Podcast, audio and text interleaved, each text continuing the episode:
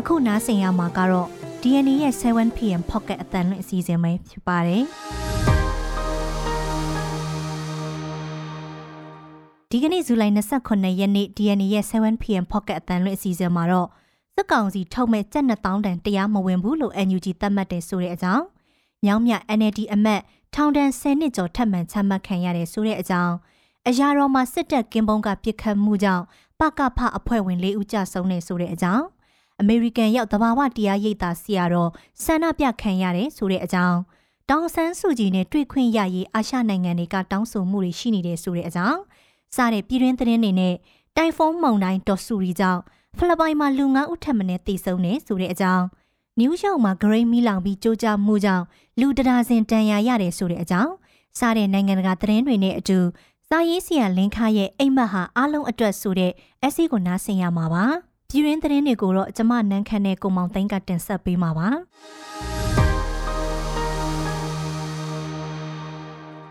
အခုပြည်ရင်းသတင်းများကိုတင်ဆက်ပေးပါမယ်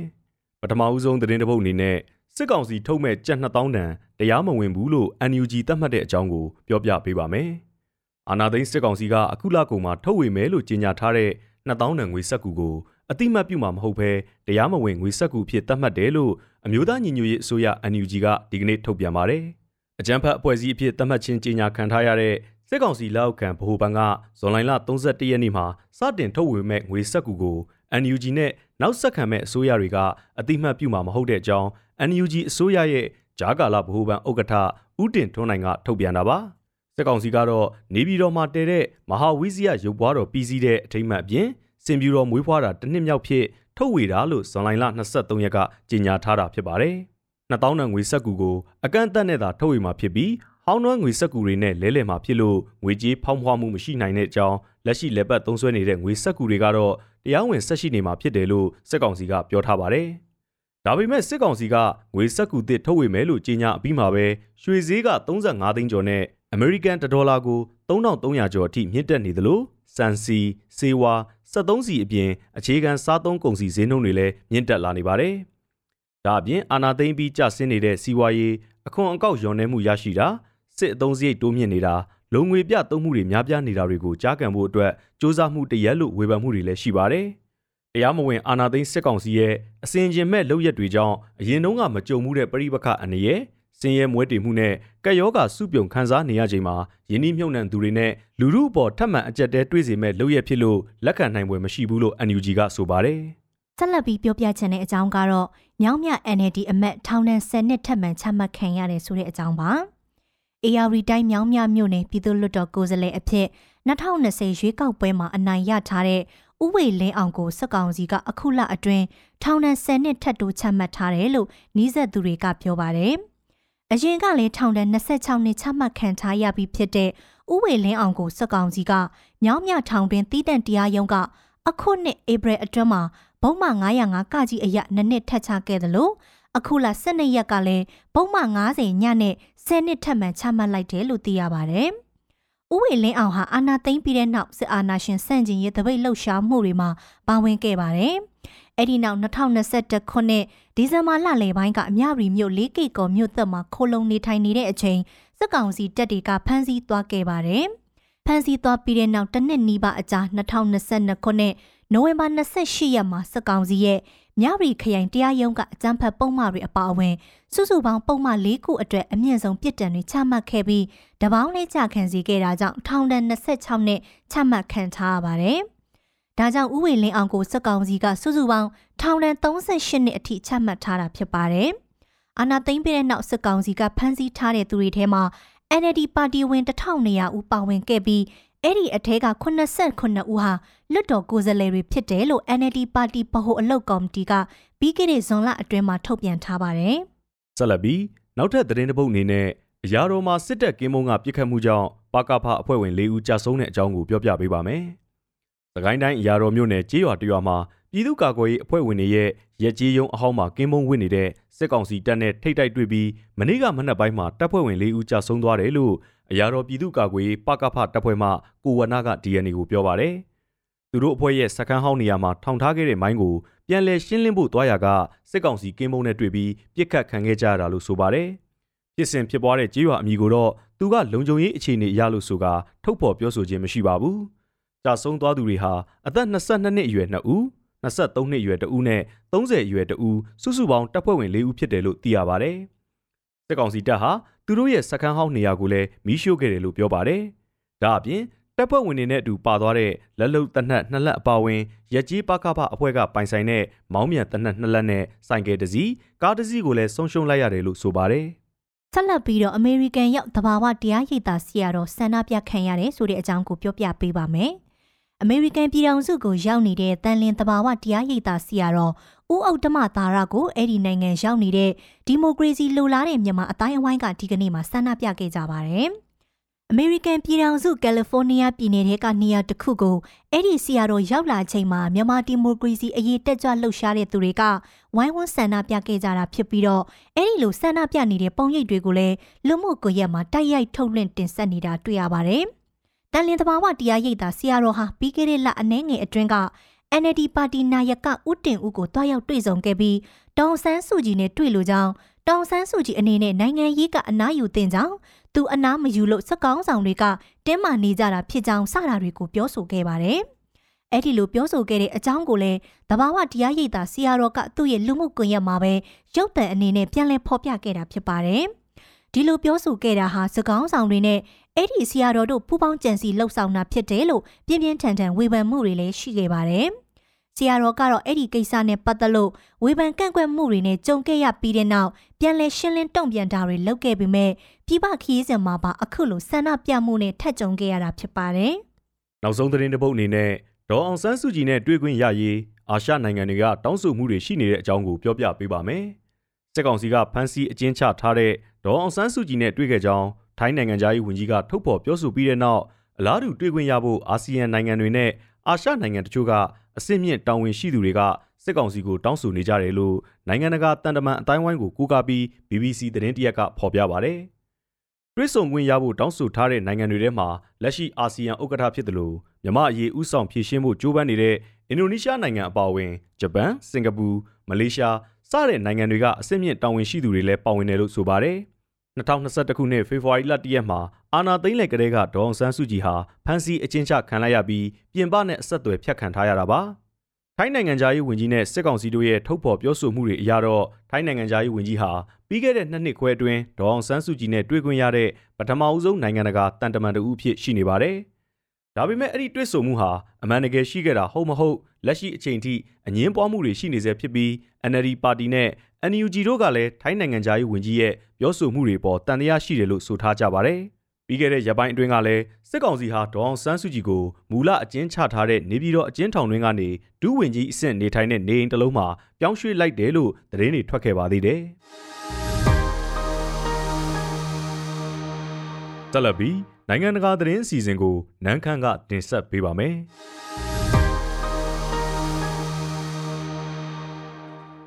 လစ်ပိုင်နိုင်ငံမြောက်ပိုင်းကိုအင်အားပြင်းထန်တဲ့တိုင်ဖုန်းမုန်တိုင်းတစ်ခုဖျက်ဆီးတိုက်ခတ်ခဲ့တာကြောင့်အနည်းဆုံးလူ9ဦးသေဆုံးခဲ့ကြောင်းသိရပါဗျ။စူပါတိုင်ဖုန်းမုန်တိုင်းဒေါက်ဆူရီဟာဒါရူပီရီကျွန်းရဲ့ဝေးရာစီတဖြည်းဖြည်းဆက်လက်ရွေ့လျားသွားကြောင်းဖိလစ်ပိုင်မိုးလေဝသအေဂျင်စီကဇူလိုင်26ရက်မှာထုတ်ပြန်ခဲ့ပါတယ်။ဒါရူပီရီဟာကျွန်းစုနိုင်ငံဖိလစ်ပိုင်ရဲ့ပင်မကျွန်းကြီးဖြစ်တဲ့လူစုံရဲ့မြောက်ပိုင်းမှာတည်ရှိပါတယ်။မုန်တိုင်းဟာပင်လယ်ဖက်ကိုပြန်ရောက်သွားပြီး ထိုင်ဝမ်နဲ့တရုတ်နိုင်ငံတွေဖက်ကိုဆက်လက်ဦးတည်နေပါတယ်။ဖိလစ်ပိုင်မှာမုန်တိုင်းမဝင်ရောက်မီကတည်းကကျန်းမ်းပြီးလူအသက်အန္တရာယ်တွေကိုချိန်ချောက်နိုင်လောက်တဲ့မိုးလေဝသအခြေအနေဆိုးတွေဖြစ်ပေါ်နိုင်ကြောင်းသတိပေးချက်တွေကြိုတင်ထုတ်ပြန်ထားသလိုမြေနိမ့်ပိုင်း area တွေမှာနေထိုင်နေတဲ့သူတွေကိုလည်းရည်ကြီးနိုင်ချေအတွက်ကြိုတင်ရွှေ့ပြောင်းစေခဲ့ပါတယ်။ဖိလစ်ပိုင်ကိုဖျက်ဆီးချိန်မှာမုန်တိုင်းဟာအမြင့်ဆုံးလေတိုက်နှုန်းတနအီကို185ကီလိုမီတာနှုန်းလောက်နဲ့တိုက်ခတ်ခဲ့ပြီး လူနေကျေးပါးရာကျွန်းပေါ်မှာမိုးတဲတဲထန်ထန်ရွှာသွန်းခဲ့ပါတယ်။ဖိလစ်ပိုင်မြောက်ပိုင်းကဒေသတချို့မှာလည်းရေလွှမ်းမိုးမှုမြေပြိုမှုတွေဖြစ်ပေါ်ခဲ့ပါတယ်။တပ်ပင်တွေလဲပြိုမှုတက်တိုင်တွေလဲကျမှုမြေပြိုမှုတွေကြောင့်ထိခိုက်ဒဏ်ရာရတဲ့သူတွေရှိခဲ့ပြီးအနည်းဆုံးလူ9ဦးသေဆုံးခဲ့တယ်လို့လည်းကယ်ဆယ်ရေးတွေကအတည်ပြုခဲ့ပါတယ်။ဒေါက်ဆူရီဟာကတဂိုရီလေးအဆင့်စူပါတိုင်ဖုန်းတစ်ခုအဖြစ်သတ်မှတ်ခံခဲ့ရပြီးမြဲပစိဖိတ်သမုဒ္ဒရာကိုဖျက်ပြီး ဖိလစ်ပိုင်ကမ်းရိုးတန်းကိုဝင်ရောက်ခါနီးမှာအင်အားအတန်အတင်လျော့ကျသွားခဲ့ကြောင်းသိရပါဗျမုန်တိုင်းဟာထိုင်ဝမ်ကနေဖြတ်ကျော်ပြီးဇူလိုင်28ရက်မှာတရုတ်တောင်ပိုင်းကိုကုန်းတွင်းဝင်ရောက်မယ်လို့ခန့်မှန်းထားပါတယ်။တရုတ်နိုင်ငံမှာလည်းမုန်တိုင်းအန်ဒီရဲ့တတိပေးချက်တွေကြိုတင်ထုတ်ပြန်ထားပြီးမုန်တိုင်းနီးကပ်လာချိန်မှာတန်ငါလေတွေကိုကမ်းကပ်ဖို့ရထားပြေးဆွဲမှုတွေရက်ဆိုင်ဖို့ညွှန်ကြားထားပြီးကံယူတန်းဒေသတွေမှာနေထိုင်နေတဲ့သူတွေကိုလည်းအရေးပေါ်ရွှေ့ပြောင်းဖို့အမိန့်ထုတ်ပြန်ထားကြောင်းသိရပါတယ်။ အမေရိကန်နိုင်ငံနယူးယောက်မြို့ကလူစီကားရတနေရာမှာဂရင်းကြီးတစ်ခုမီးလောင်ပြီးအမြင့်ကနေပြုတ်ကျမှုကြောင့်လူ12ဦးထိခိုက်ဒဏ်ရာတွေရခဲ့ကြပါတယ်။ဇူလိုင်26ရက်ကနယူးယောက်ရဲ့အချက်အခြာ area တစ်ခုဖြစ်တဲ့မက်ဟမ်တန်ရက်ကွက်ထဲကဆောက်လုပ်ရေးလုပ်ငန်းသုံးဂရင်းကြီးဟာအမြင့်တနေရာကနေကျိုးကျခဲ့တာဖြစ်ပါတယ်။အဲ့ဒီမတော်တဆမှုကြောင့်ဆောက်လုပ်ရေးဝန်ထမ်းတွေအပါအဝင်အရက်သား9ဦးနဲ့မိသက်ဝန်ထမ်း3ဦးဒဏ်ရာရခဲ့တယ်လို့ကေဆေးကြီးအဖွဲ့တွေကပြောပါတယ်။ ထိခိုက်မိတဲ့သူတွေကိုဆေးရုံတင်ပို့ခဲ့ပေမဲ့အားလုံးရဲ့အခြေအနေကအသက်အန္တရာယ်စိုးရိမ်ရတဲ့အဆင့်မျိုးမရှိခဲ့ပါဘူး။ Green Mountain သူက16တန်လောက်လေးလံတဲ့ကွန်ကရစ်အပိုင်းအစကြီးတစ်ခုကိုဆွဲချီယူနေချိန်စက်ခန်းနားမှာမိလောင်မှုဖြစ်ခဲ့တာပါ။ Green Mountain သူကမိကိုငိမ့်သက်ဖို့ကြိုးစားပေမဲ့မအောင်မြင်ပဲမိကူးဆက်မှုများလာတဲ့အတွက်မိသက်ဌာနကိုဆက်သွယ်အကြောင်းကြားခဲ့ပြီးအနီးကပ်အဆောက်အုံစီအချိန်မီရွှေ့ပြောင်းခဲ့ရပါတယ်။နောက်တော့မိသက်တွေရောက်လာတော့မှ grain ကြီးကျိုးကျခဲ့ပြီးလမ်းမပေါ်အပြစ်အစည်းတွေပြန့်နှံ့သွားခဲ့ကြောင်းမျက်မြင်တွေကပြောပါတယ်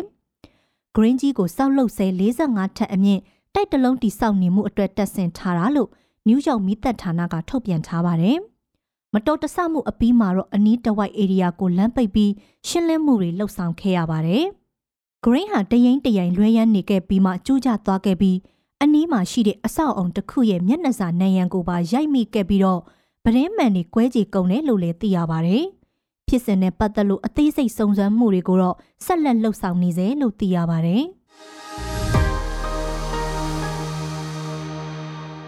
တက်လက်ပြီးတော့စာရေးဆရာလင်းခါရဲ့အိမ်မက်ဟာအားလုံးအတွက်ဆိုတဲ့ essay ကိုနားဆင်ရမှာပါ။ကျွန်တော်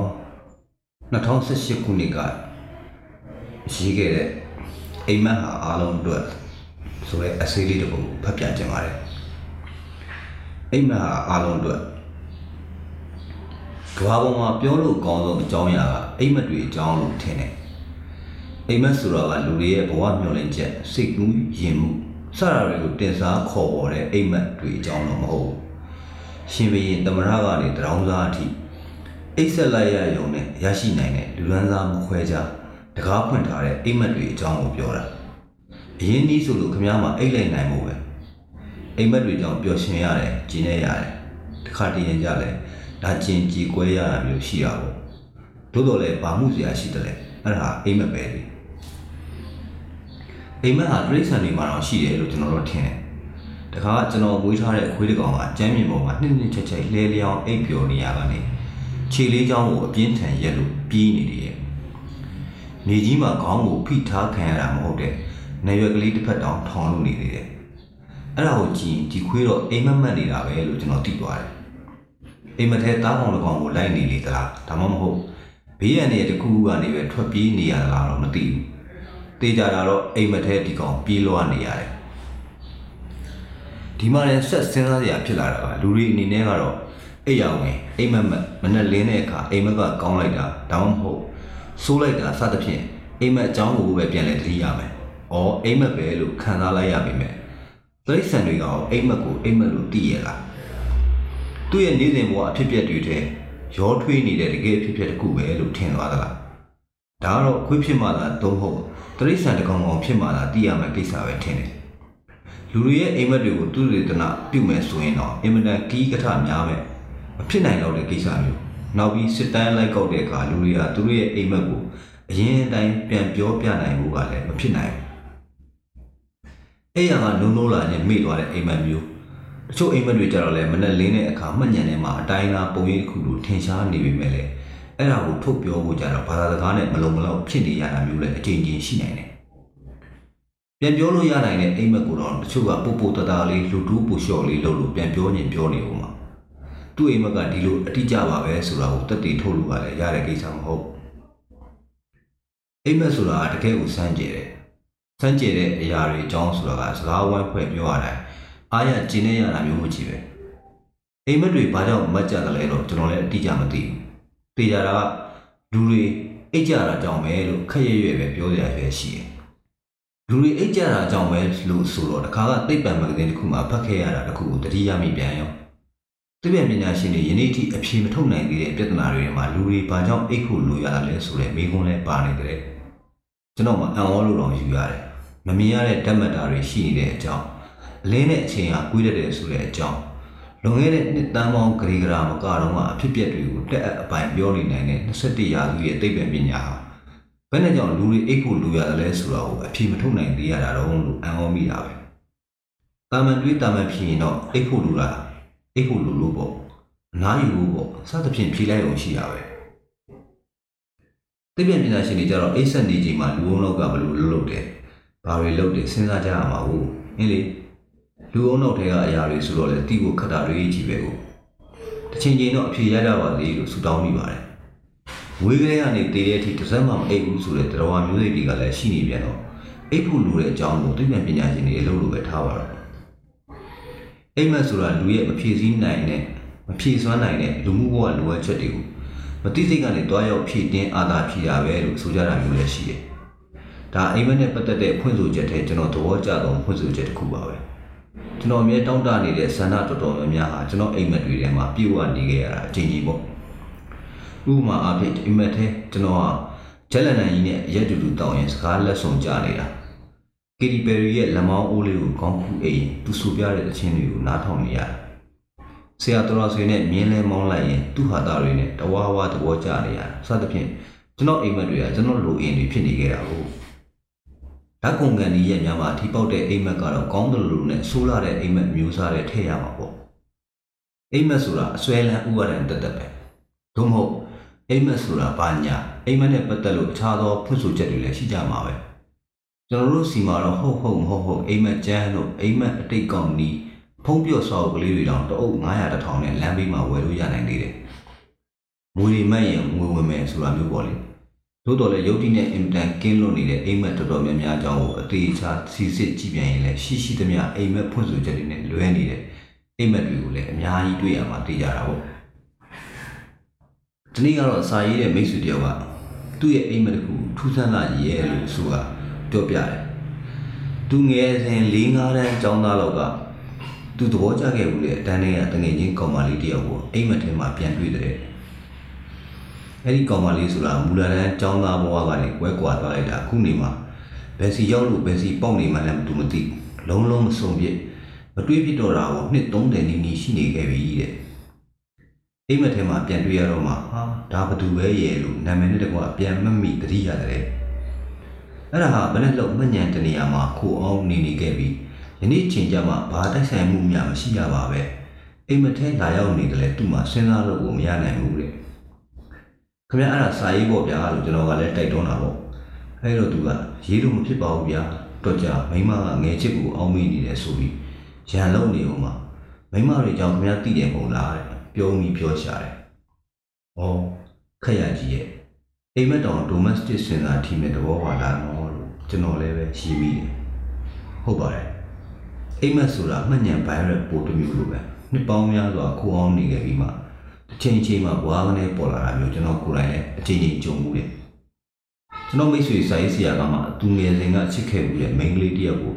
နှစ်30အကြာမှအိမ်မက်ထဲပြန်တွေ့ရတာကိုအနည်းဆုံးတော့ကြောင်းကျိုးရုပ်တည်ဆွဲလို့ရနိုင်သေးတယ်သူ့မှတ်ညံတနေရာမှာရှိနေခဲ့တဲ့လူတယောက်အကြောင်းပဲပဲကိုကျွန်တော်မှတ်တဲ့တချို့အိမ်မက်တွေမှာဆိုရင်ကျွန်တော်ဘဝမှာတစ်ချိန်တစ်ခါကလေးများတော့မြင်ခဲ့ဘူးဆုံငယ်ဘူးချင်းမရှိတာတေးကြတဲ့လူတွေနဲ့ဆုံရတာမျိုး လူလောကမှာဒီလိုရုပ်ရည်မျိုးနဲ့မိန်းကလေးမျိုးရှိပါလားလို့အိမ်မက်ထဲမှာသာအမြင်မှုတဲ့လှပတဲ့မိန်းကလေးမျိုးနဲ့အိမ်မက်ထဲမှာလည်းချစ်ရည်လူရတာမျိုးစသဖြင့်တွေကဘယ်လိုများမတ်ရတဲ့အိမ်မက်တွေပါလဲလို့မစင်စားပဲမနေနိုင်ဘူး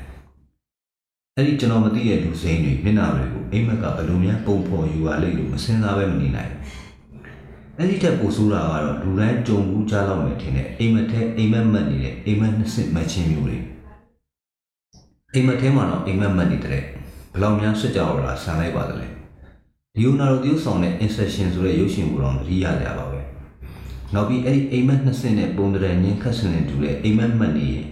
ဒါဟာအိမ်မက်မှတ်နေတာပဲလို့သိနေတာမျိုးအိမ်မက်ကတာယာလုံးလို့အိမ်မက်ထဲမှာလည်းအိယာကနိုးမအောင်ကြောက်မိနေတာမျိုးအိမ်မက်ကဆိုးဝါးကြောင်းရွံ့ရလုံးလို့အိမ်မက်ထဲမှာလည်းဒီအိမ်မက်ကနိုးထလိုက်ချင်ပါပြီလို့တွေးမိတာမျိုး အိမ်မက်ဖြစ်နေတာတော်သေးတာပေါ့လို့အိမ်မက်ထဲမှာလည်းစိတ်သက်သာရသွားစေတာမျိုးအိမ်မက်ကသာတရုပ်ခွဲပြနိုင်တဲ့ပညာရှင်တွေများရှိရင်ကျွန်တော်ဖြင့်အလွန်မဲလေးစားမိမှာအမှန်ပါပဲ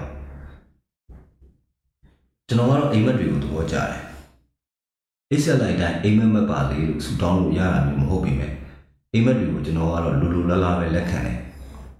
တော့ကများရတဲ့အိမ်မက်ဆိုးတွေရှိပင်ရှိတော်ညာလဲကျွန်တော်တို့ကတော့ရတိုင်းလုံးတိတ်နေပါတယ် များသောအားဖြင့်အိမ်မက်ကောင်းတွေကြီးပဲအိမ်မက်ထဲကျွန်တော်ဟာတစ်ထက်အိမ်ပူကလေးပါတဲ့ခြံဝင်းတစ်ခုရဲ့အရေးရတစ်ပင်ကလေးအောင်မှာကလထိုင်လေးတို့ဇပွဲကလေးချလို့စာကလေးဖတ်နေမယ်ငှက်ကလေးတွေကလည်းကြီးကြီးကြပ်ကြပ်ဗမ်းမောင်းစုံရနံ့ကလည်းတင်းတင်းကလေးပြက်လှိုင်းလို့သမီးလေးကလည်းခြံထဲသူ့မိနဲ့ပိုဒီပြီးတော့စော်စားရင်ခိုးခိုးခက်ခက်ရဲလို့ဝင်းပလီမျက်နှာပေါက်ခွေးလေးမကြီးတကောင်ကလည်းကျွန်တော်ကလထိုင်အောင်မှာအလျားလိုက်ခေါင်းချလို့အိတ်ဆက်နေမယ် တစ်ချက်ချက်ခြေတော့ကိုလှမ်းပုတ်တက်နေမယ်အိမ်မက်တစ်ခုလုံးမှာဒုက္ခဆိုတာအဆက်ပြောက်ကလေးလောက်တော့မရှိဘယ်လောက်လာတဲ့အိမ်မက်လဲ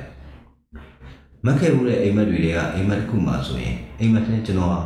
ဘာအတွက်မှမသိဆန္ဒပြနေတယ်ကျွန်တော်လည်းအတူတူဆန္ဒပြနေသူတွေကလည်းအများကြီးဒီလိုဆန္ဒပြနေတော့စစ်တပ်ကအင်အားသုံးဖြိုခွင်းလို့အသက်လူထွက်ပြေးရပြန်တယ်ထွက်ပြေးရင်နောက်ကိုလှည့်ကြည့်တဲ့အခါမှာလဲကျကြံနေခဲ့သူတွေကိုဘယ်နဲ့နဲ့လိုက်ထိုးနေတဲ့ယူနီဖောင်းဝတ်တွေကိုတွေ့ရတယ် ကျွန်တော်လည်းဒီလိုလှည့်ကြည့်နေတော့ချော်လဲကြတယ်ဒီမှာယူနီဖောင်းဝတ်တယောက်ကျွန်တော်အနားရောက်လာဘယ်နဲ့နဲ့ထိုးမယ်လို့သူ့မျက်နှာကိုကြည့်ရတော့သူကကျွန်တော်ဘယ်တော့မှမမေ့နိုင်ခဲ့တဲ့ကျွန်တော်ရဲ့အချစ်ဦးမိန်းကလေးဖြစ်နေပါတော့တယ်ကြေကွဲရမလို့လို့အချစ်ဦးနဲ့ပြန်ဆောင်ရလို့ဝမ်းသာရမှာလို့လို့တော်တော်စိတ်ကတိကောက်ဖြစ်ရတဲ့အိမ်မက်ပေါ့လူဆိုတာကလိုရင်တွေနဲ့ငွေတက်ပိတ်ဖုံးနေတဲ့အမျိုးဆိုတော့အဆမရှိပဲအဆုံးသက်တာရှိတဲ့အိမ်မက်တွေကယုတ်တိရှိပါတယ် ဒီနိုင်ငံကတကယ်ဘဝဆိုတာတွေကလည်းဒုက္ခမြေသားပေါ်တောကထောင်သွားတဲ့တူရဲ့စိတ်ပြိုးရင်ရရှိလာတဲ့ကြေကွဲသည်ဝမ်းနေပင်တွေကအများစုပဲမဟုတ်လားလူတွေကအနာဂတ်အတွက်မျှော်လင့်တာတွေဆန္ဒတွေကိုသူတို့ရဲ့အိမ်မက်ရဲ့လို့တင်စားသုံးလုံးကြတယ်အဲ့ဒီအိမ်မက်တွေတကယ်ဖြစ်လာဖို့ကမတည်ကြဘူးအထောက်ရမှာတွေရင်းနှီးပေးဆက်ရမှာတွေအကျိုးကြောင့်တိုက်ဆိုင်မှုတွေချွေးတွေတွေးတွေတော့ပါဝင်သေးတယ်အဲ့ဒါတွေကိုဖျက်တမ်းရအောင်ပါ အဲ့ဒီလိုမျောလင့်ချက်အိမ်မက်ကိုတော့မက်ခွင့်မရှိကြသူတွေလည်းရှိနေမှာတကယ်အိမ်မက်ကတော့ဘယ်သူမှမကတ်တတ်ခင်ဗျားအနေနဲ့အိတ်လိုက်ဖို့အိတ်ပျော်ရကရောက်လာဖို့ပဲအိမ်မက်ဟာအားလုံးတော့ပါရင်ခါ